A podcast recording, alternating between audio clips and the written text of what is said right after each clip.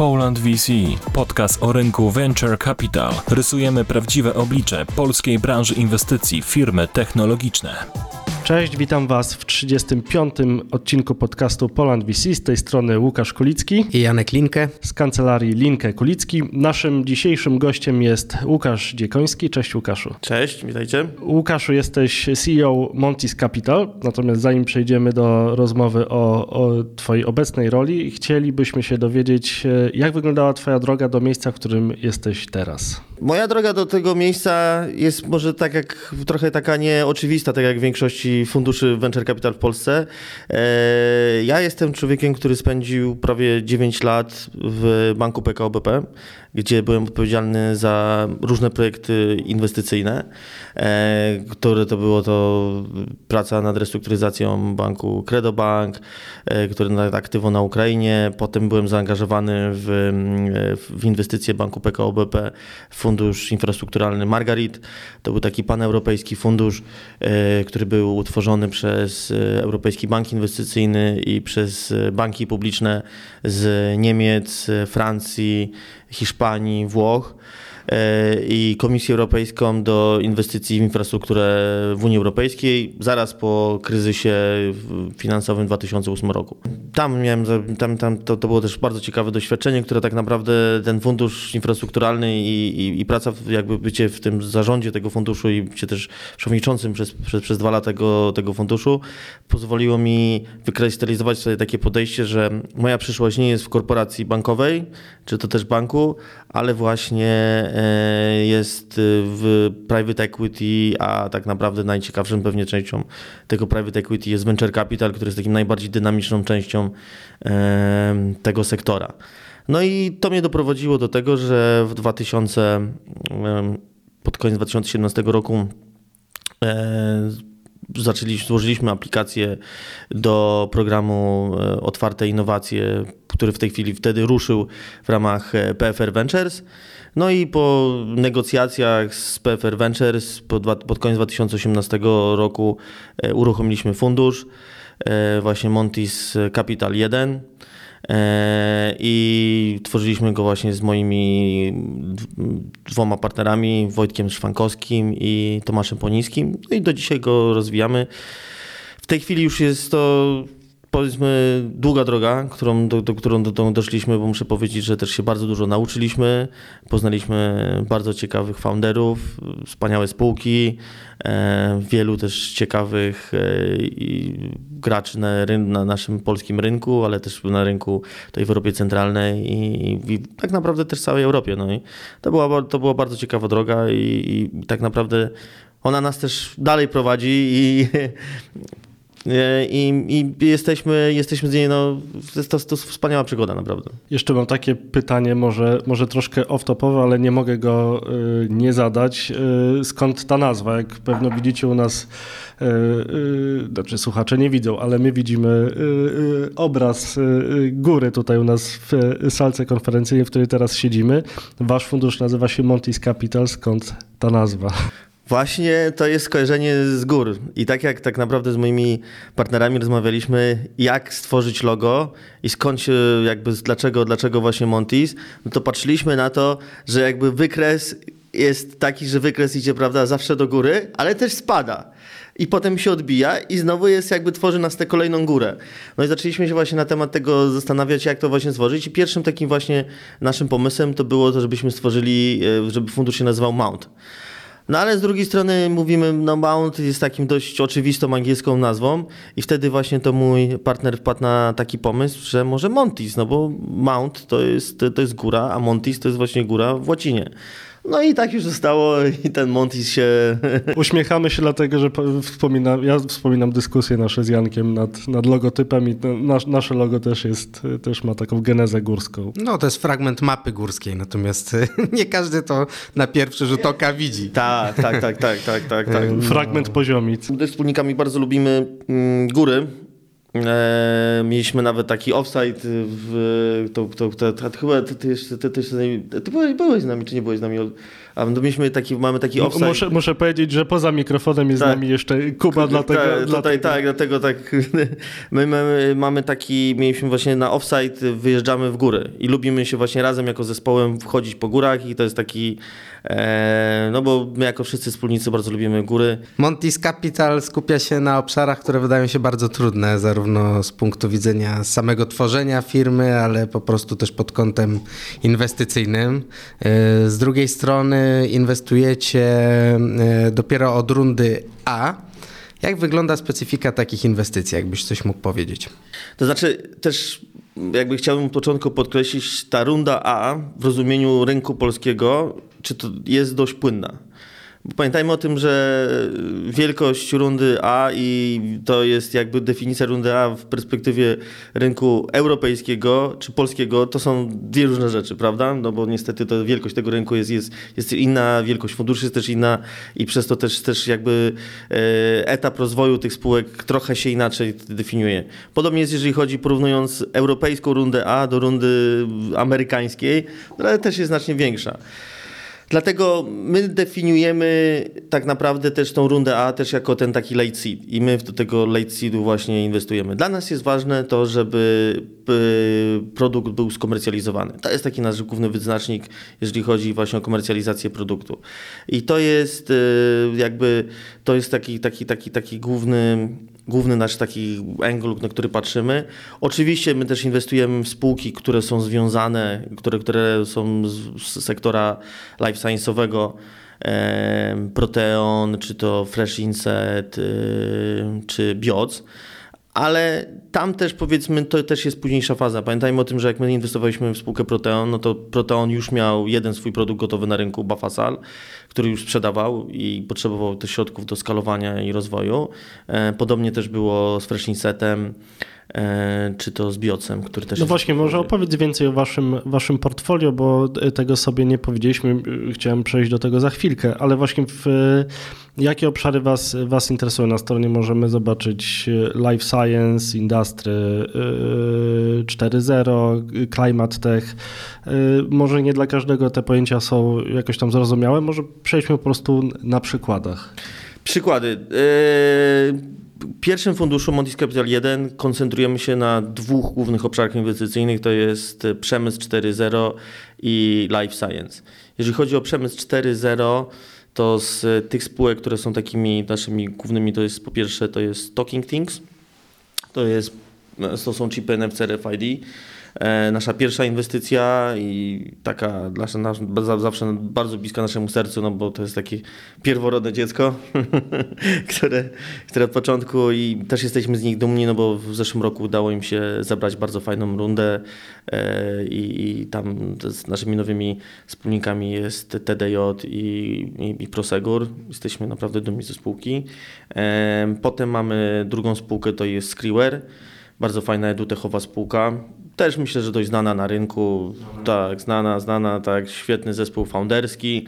E, z bardzo dobrym prezesem, z Karolem, który tak naprawdę no, tak mocno, mocno to ciągnął, ale też, też, też całym zespołem i, e, i, i myślę, że to jest silny, naprawdę fajny, silny, fajny, silny team i, i bardzo dobra technologia. E, potem kolejną spółką, spółką to jest Sport. To jest e, nasza dość nowa inwestycja. To jest firma, która robi, która jest, uczestniczy akurat w, w micromobility i w czystym transporcie dla, dla, dla, dla dostaw e, żywności, dla food delivery. E, I co ciekawe, to jest spółka, którą możemy też już nazwać, jest też climatechową, no bo część już naszych spółek w portfelu Montis Capital 1 jest już spółkami climatechowymi i które, są, które, które są spółkami, można de, de, definiować jako takie sustainable i, i- i w ramach tego działają. E, Kolejną spółką w ramach e, z przemysłu 4.0 to jest e, czegoś, nie zapomniałem, tak, mamy port, to jest no, Plum, Research, dziękuję za tę podpowiedź, Plum Research, mm, to jest świetna spółka, która się zajmuje big data E, oni pracują na rynku e, VOD, analizy danych na, na dużych platformach VOD. E, co ciekawe, ta spółka jest, to jest pełni polski Steam, a sprzedaż i przychody są tylko z zagranicy, głównie rynek amerykański i Unia Europejska. Bardzo fajny zespół, super szybko się rozwija. E, To jest wszystko. Mamy ostatnią jeszcze spółkę od nas, e, którą niedawno zainwestowaliśmy. Nie mogę niestety jeszcze na razie o niej powiedzieć nazwy, no bo jeszcze nie było announcementu, ale to, to, to już się e, niedługo wydarzy. I jakby tutaj kolejną kategorią to są spółki, które są od nas, takie, które definiujemy life science'owo, to jest Proteon. To jest spółka, która pracuje nad alternatywą wobec antybiotyków dla zwierząt. I oni na bazie e, bakteriofagów, które są naturalną częścią biomu, e, opracowali preparaty, które są w pełni antybakteryjne przeciwko takim chorobom, bakteriom jak Salmonella czy E. Coli dla zastosowania dla zwierząt. Mm, I oni właśnie potem, to one są dodawane do pasz i do żywności i dzięki temu pozwalają jakby na, na, na, na, czystą produkcję mięsa, ale też jakby to są bardzo, bardzo ekologiczne, no bo e, te preparaty w ogóle nie zanieczyszczają środowiska naturalnego e, i to też jest bardzo ważne dla samych konsumentów, jak i też całego środowiska naturalnego, że nie ma tych od, od, od chemicznych odpadów. E, Kolejną spółką to jest Fresh Inset.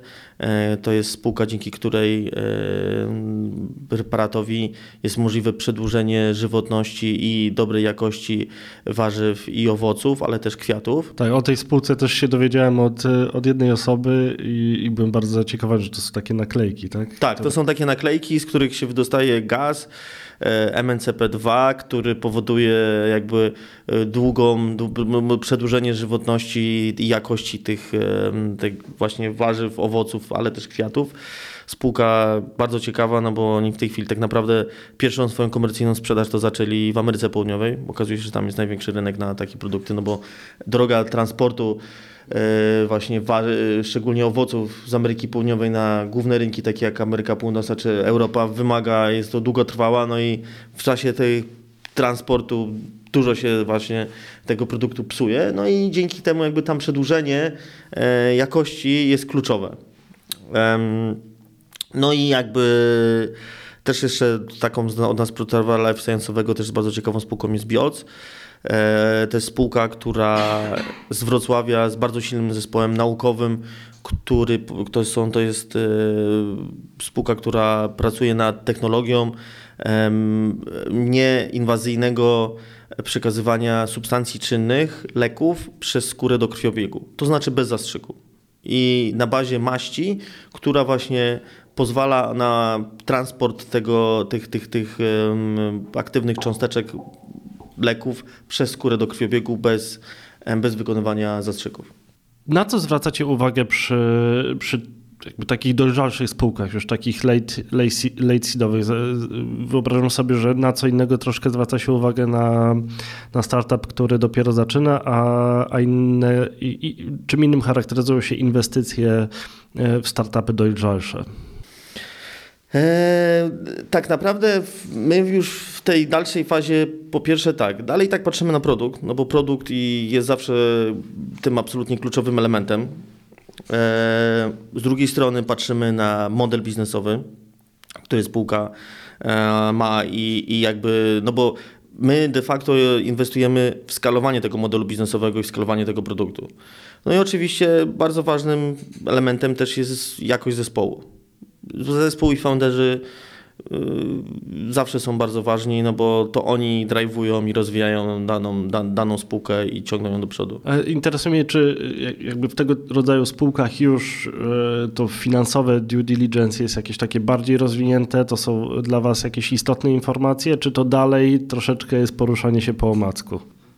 Znaczy pamiętajmy o tym, że dalej te, te spółki wymagają jakby sporo środków i, i, i są na dość powiedzmy wczesnych fazach. Chociaż z naszej perspektywy my też często patrzymy na takie aspekty, czy, den, czy dany produkt e, z z tej swojej charakterystyki, no bo pamiętaj, pamiętajmy o tym, że my też inwestujemy w hardware i dlatego hardware, tego hardware'u się nie boimy. Czy na przykład jakie są wydatki związane właśnie z dalszym rozwojem hardware'u.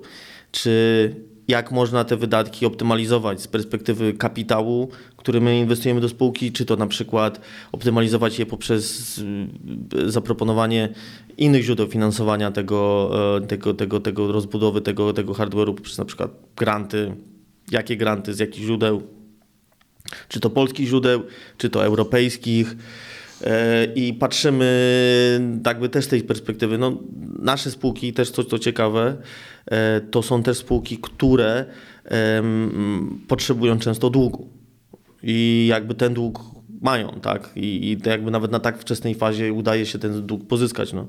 Patrzę tutaj na spółkę, no, na Talking Things, patrzę tutaj też, bo przepraszam, wcześniej zapomniałem o jednej ostatniej naszej spółce, którą e, z przemysłu 4.0 to jest też Plenty. Tak, właśnie chciałem powiedzieć, tak, to jest nie, chyba ale Plenty gło, głośna z lutego inwestycja. Tak, Plenty, tak, tak, tak, bardzo, bardzo fajna spółka. I to są też spółki, które jakby obok, obok, obok tej części kapitałowej też potrzebują tą część dłużną.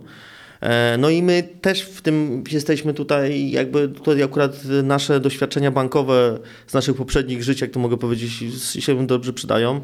E, I, i, I, widzę, że też jest jakby, nie jest to łatwe, ale polskie, polskie, polskie instytucje bankowe jeżeli ten dany produkt jest dobrze opisany, jakby można też te ryzyka dobrze wywrócić, są chętne w finansowaniu dużym, nawet takich, takich, takich, takich wczesnych i młodych spółek. Um, tutaj, jeżeli chodzi o Plenty, no to tutaj musimy być szczególnie kreatywni, no bo poza częścią kapitałową Plenty potrzebuje sporo długu, no bo to jest jakby stok inwentory i, i tutaj, ale też, ale też jakby Wojtek Rokosz jest też takim świetnym founderem i, i on ma naprawdę, wymyśla bardzo ciekawe, innowacyjne modele właśnie finansowania dłużnego czy pozyskiwania takiego kapitału właśnie pod, pod inwestycyjnego, po to nawet jest ostatnio ten bardzo wymyślił bardzo ciekawy produkt, który jest Plenty Partners, takim innowacyjnym modelem i, i, i, myślę, że, i myślę, że też, i też jakby po naszej stronie jest też to, że my musimy też rozmawiamy ze spółkami, czy te dane ich rozwiązania są dobre, na ile są dobre i na ile są skalowalne.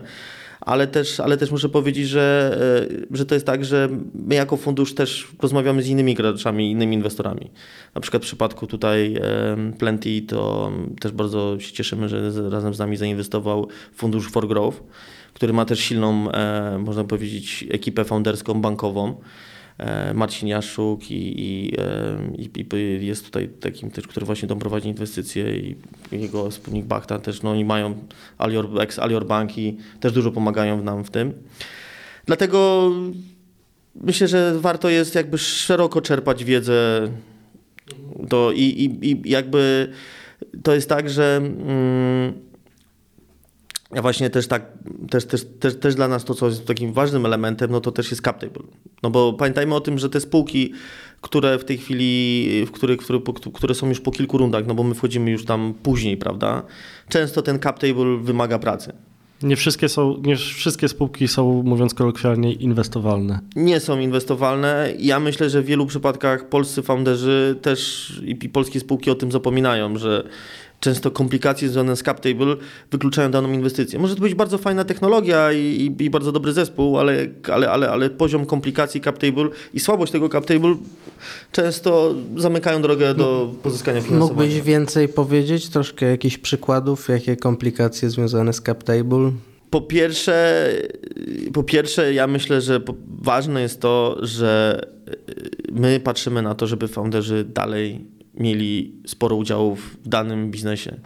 No bo po kilku rundach, jeżeli founder schodzi poniżej, znacząco poniżej 50%, to znaczy on nie będzie miał motywacji w dalszym rozwoju tego biznesu. A dla nas to są, my jesteśmy jednak founders friendly i wiemy o tym, że, że, że, że jeżeli, jeżeli founder nie będzie miał odpowiedniej motywacji, to ta po prostu ten biznes nie będzie szedł do przodu. I dla nas to jest też ważne, żeby inwestować w biznesy, w których ten, ten founder ma silną pozycję. Z drugiej strony też jakby chcemy, żeby na tym cap table wcześniej się, żeby tam były też ciekawi inwestorzy. Najlepiej fundusze inne VC, no bo wtedy też się łatwiej, bo wtedy też jest mentality tego danego, e, tej, tej danej spółki jest, e, jest, jest, jest, jest, jest silne. No ale, no, ale też nie wykluczam dobrych angel inwestorów, no bo ci też, też dobrzy angele też polepszają jakość danego, danej spółki. I myślę, że to też, to też, to też dobrze, mm, to też dobrze, dobrze służy, no bo często jest tak, że jeden dobry angel może być tak samo dobry jak jakiś słabszy VC fund, albo nawet znacznie lepszy. Przejdźmy może na drugą stronę medalu, o której troszeczkę już powiedziałeś, czyli o komercjalizacji. Powiedziałeś, że szukacie e, firm, które już są po tej fazie.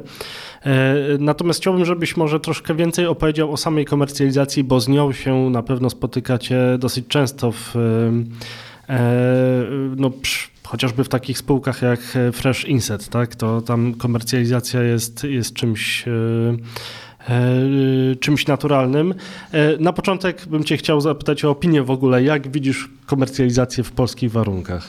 Nie jest to łatwe zadanie. nie jest to łatwe zadanie, e, ale jakby no. Musimy o tym pamiętać, że, że też myślę, że, że ważne to jest to, że patrząc na komercjalizację, że te firmy, które realizują swój produkt, powinny myśleć od razu o rynku europejskim. Bo często niestety jest tak, że, że, że, że, że, że, że, że polskie startupy myślą na początku o tym, że chcemy zostać graczem numer jeden na rynku polskim. Jak już włożą bardzo dużo swojego wysiłku w realizację jakby i bycie tym silnym graczem i to, to, to, to, to, to, to, to, to na rynku polskim, to okazuje się, że cały rynek już dawno europejski czy światowy już odjechał.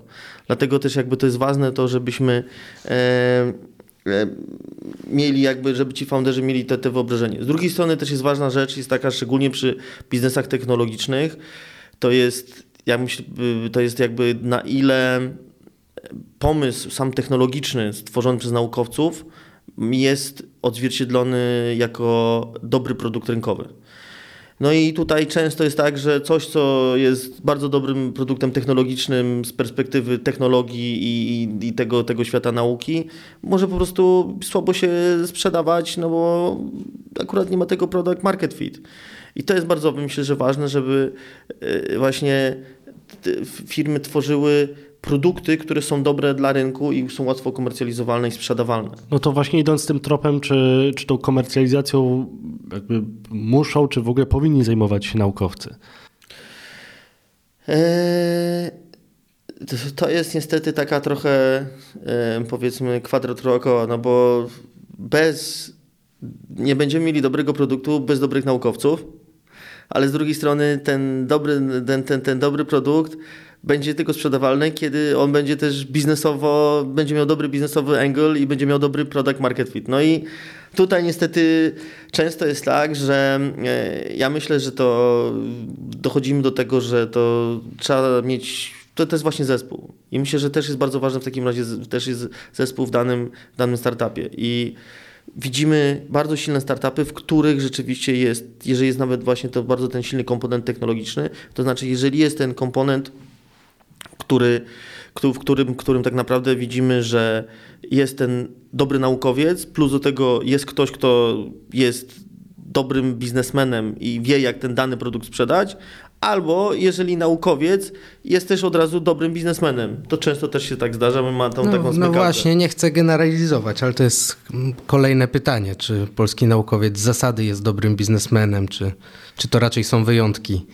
Znaczy, ja nie lubię takich ogólnień, że, że, że, w Polsce nie ma dobrych naukowców, biznesmenów, bo według mnie mamy tam podob, bardzo podobne proporcje i jakby polscy naukowcy są bardzo dobrymi naukowcami i też poznałem wielu naukowców, którzy są też bardzo dobrymi biznesmenami.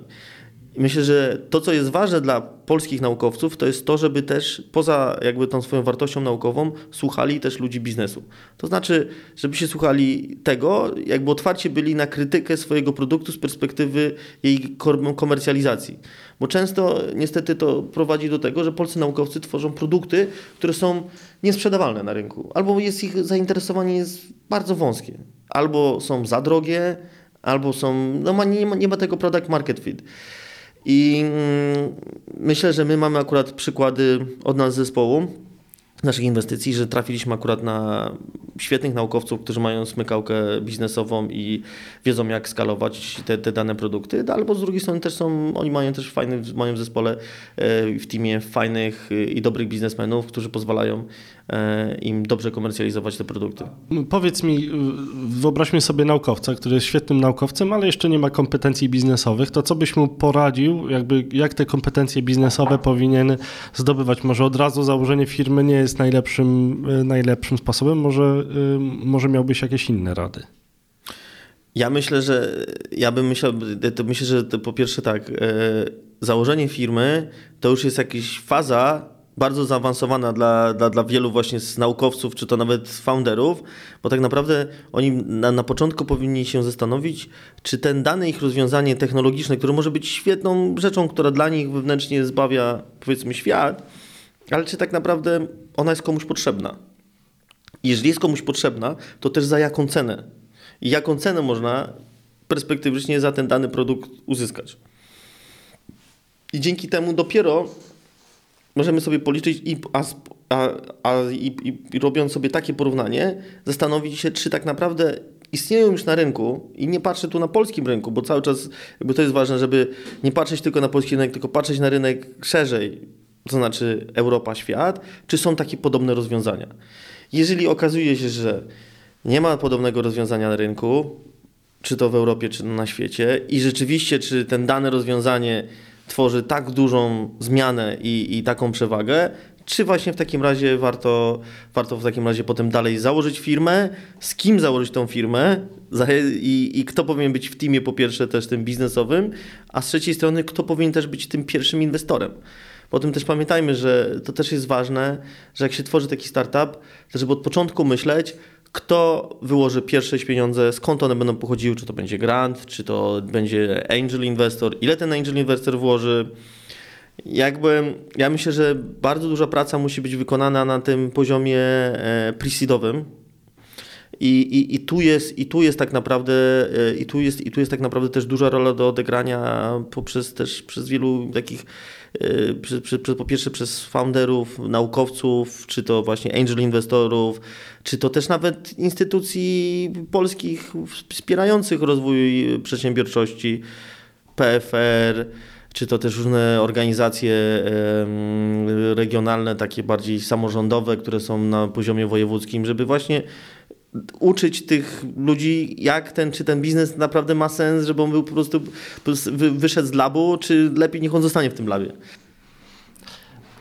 Pewno. Y Powiedziałeś o, o, o, kapitale i ciągle, znaczy ciągle, często to, to podkreślasz i zakładam, że jednym z głównych problemów y, właśnie tego typu y, firm, o których rozmawiamy, gdzie, y, gdzie najpierw trzeba wykonać jakieś działania w labie, działania związane z badaniem i rozwojem, no są kapitałochłonne, tak? Ale czy jeszcze widzisz jakieś inne specyficzne problemy dla startupów właśnie z obszaru life science czy z obszarów climate tech? To znaczy, ja myślę, że to bardzo dobre pytanie, bo tak naprawdę wiele z tych startupów jeszcze nie widzi jednego takiego dużego wyzwania, które na tym rynku będzie się, będzie, będzie, będzie, będzie sporym problemem i wyzwaniem. I my to już widzimy z perspektywy naszego portfela pierwszego funduszu. To jest kwestia regulacji. E, bo przez to, żeby jednak tworzyć dobry system, do, dobry rynek life science, to znaczy klimatyczny i dobrych startupów klimatycznych, ten rynek będzie, jest już bardzo mocno regulowany przez regulacje to, czy to europejskie, czy to krajowe narodowe. I widzimy, że dużym, prze, dużym wyzwaniem dla wielu tych spółek jest uzyskanie pewnych, po pierwsze, zgód regulacyjnych, czy to nawet bycie podejścia po, po, po pozycji rynkowej, jeżeli chodzi o regulacje w Unii Europejskiej.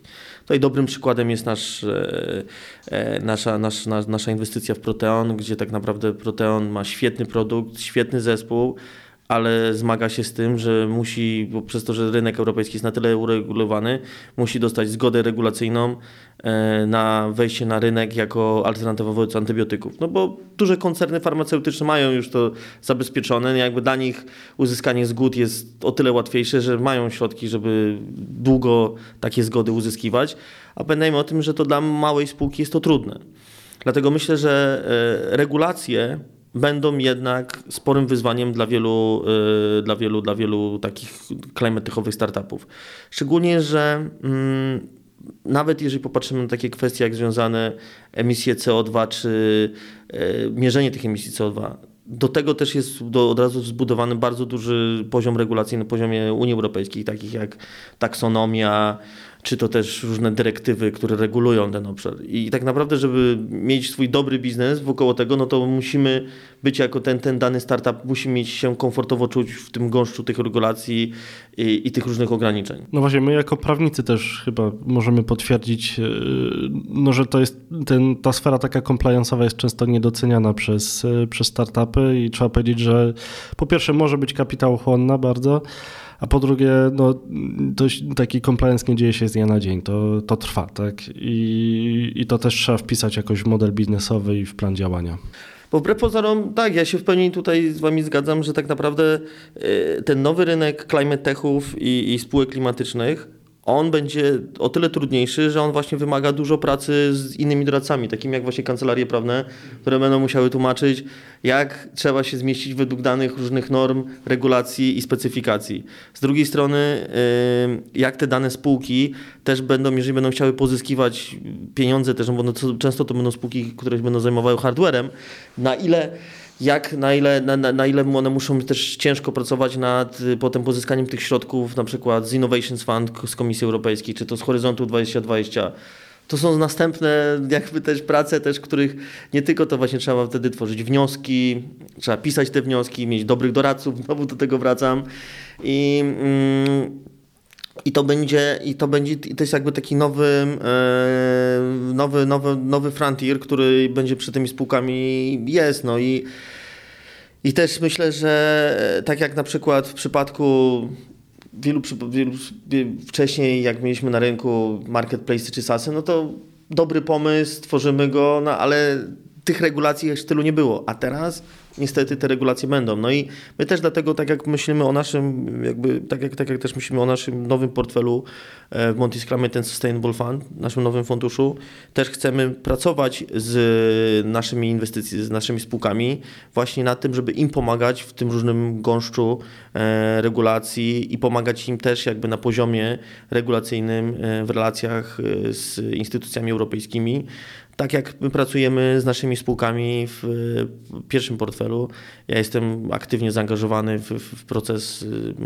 właśnie uzyskiwania zgód po stronie Proteonu.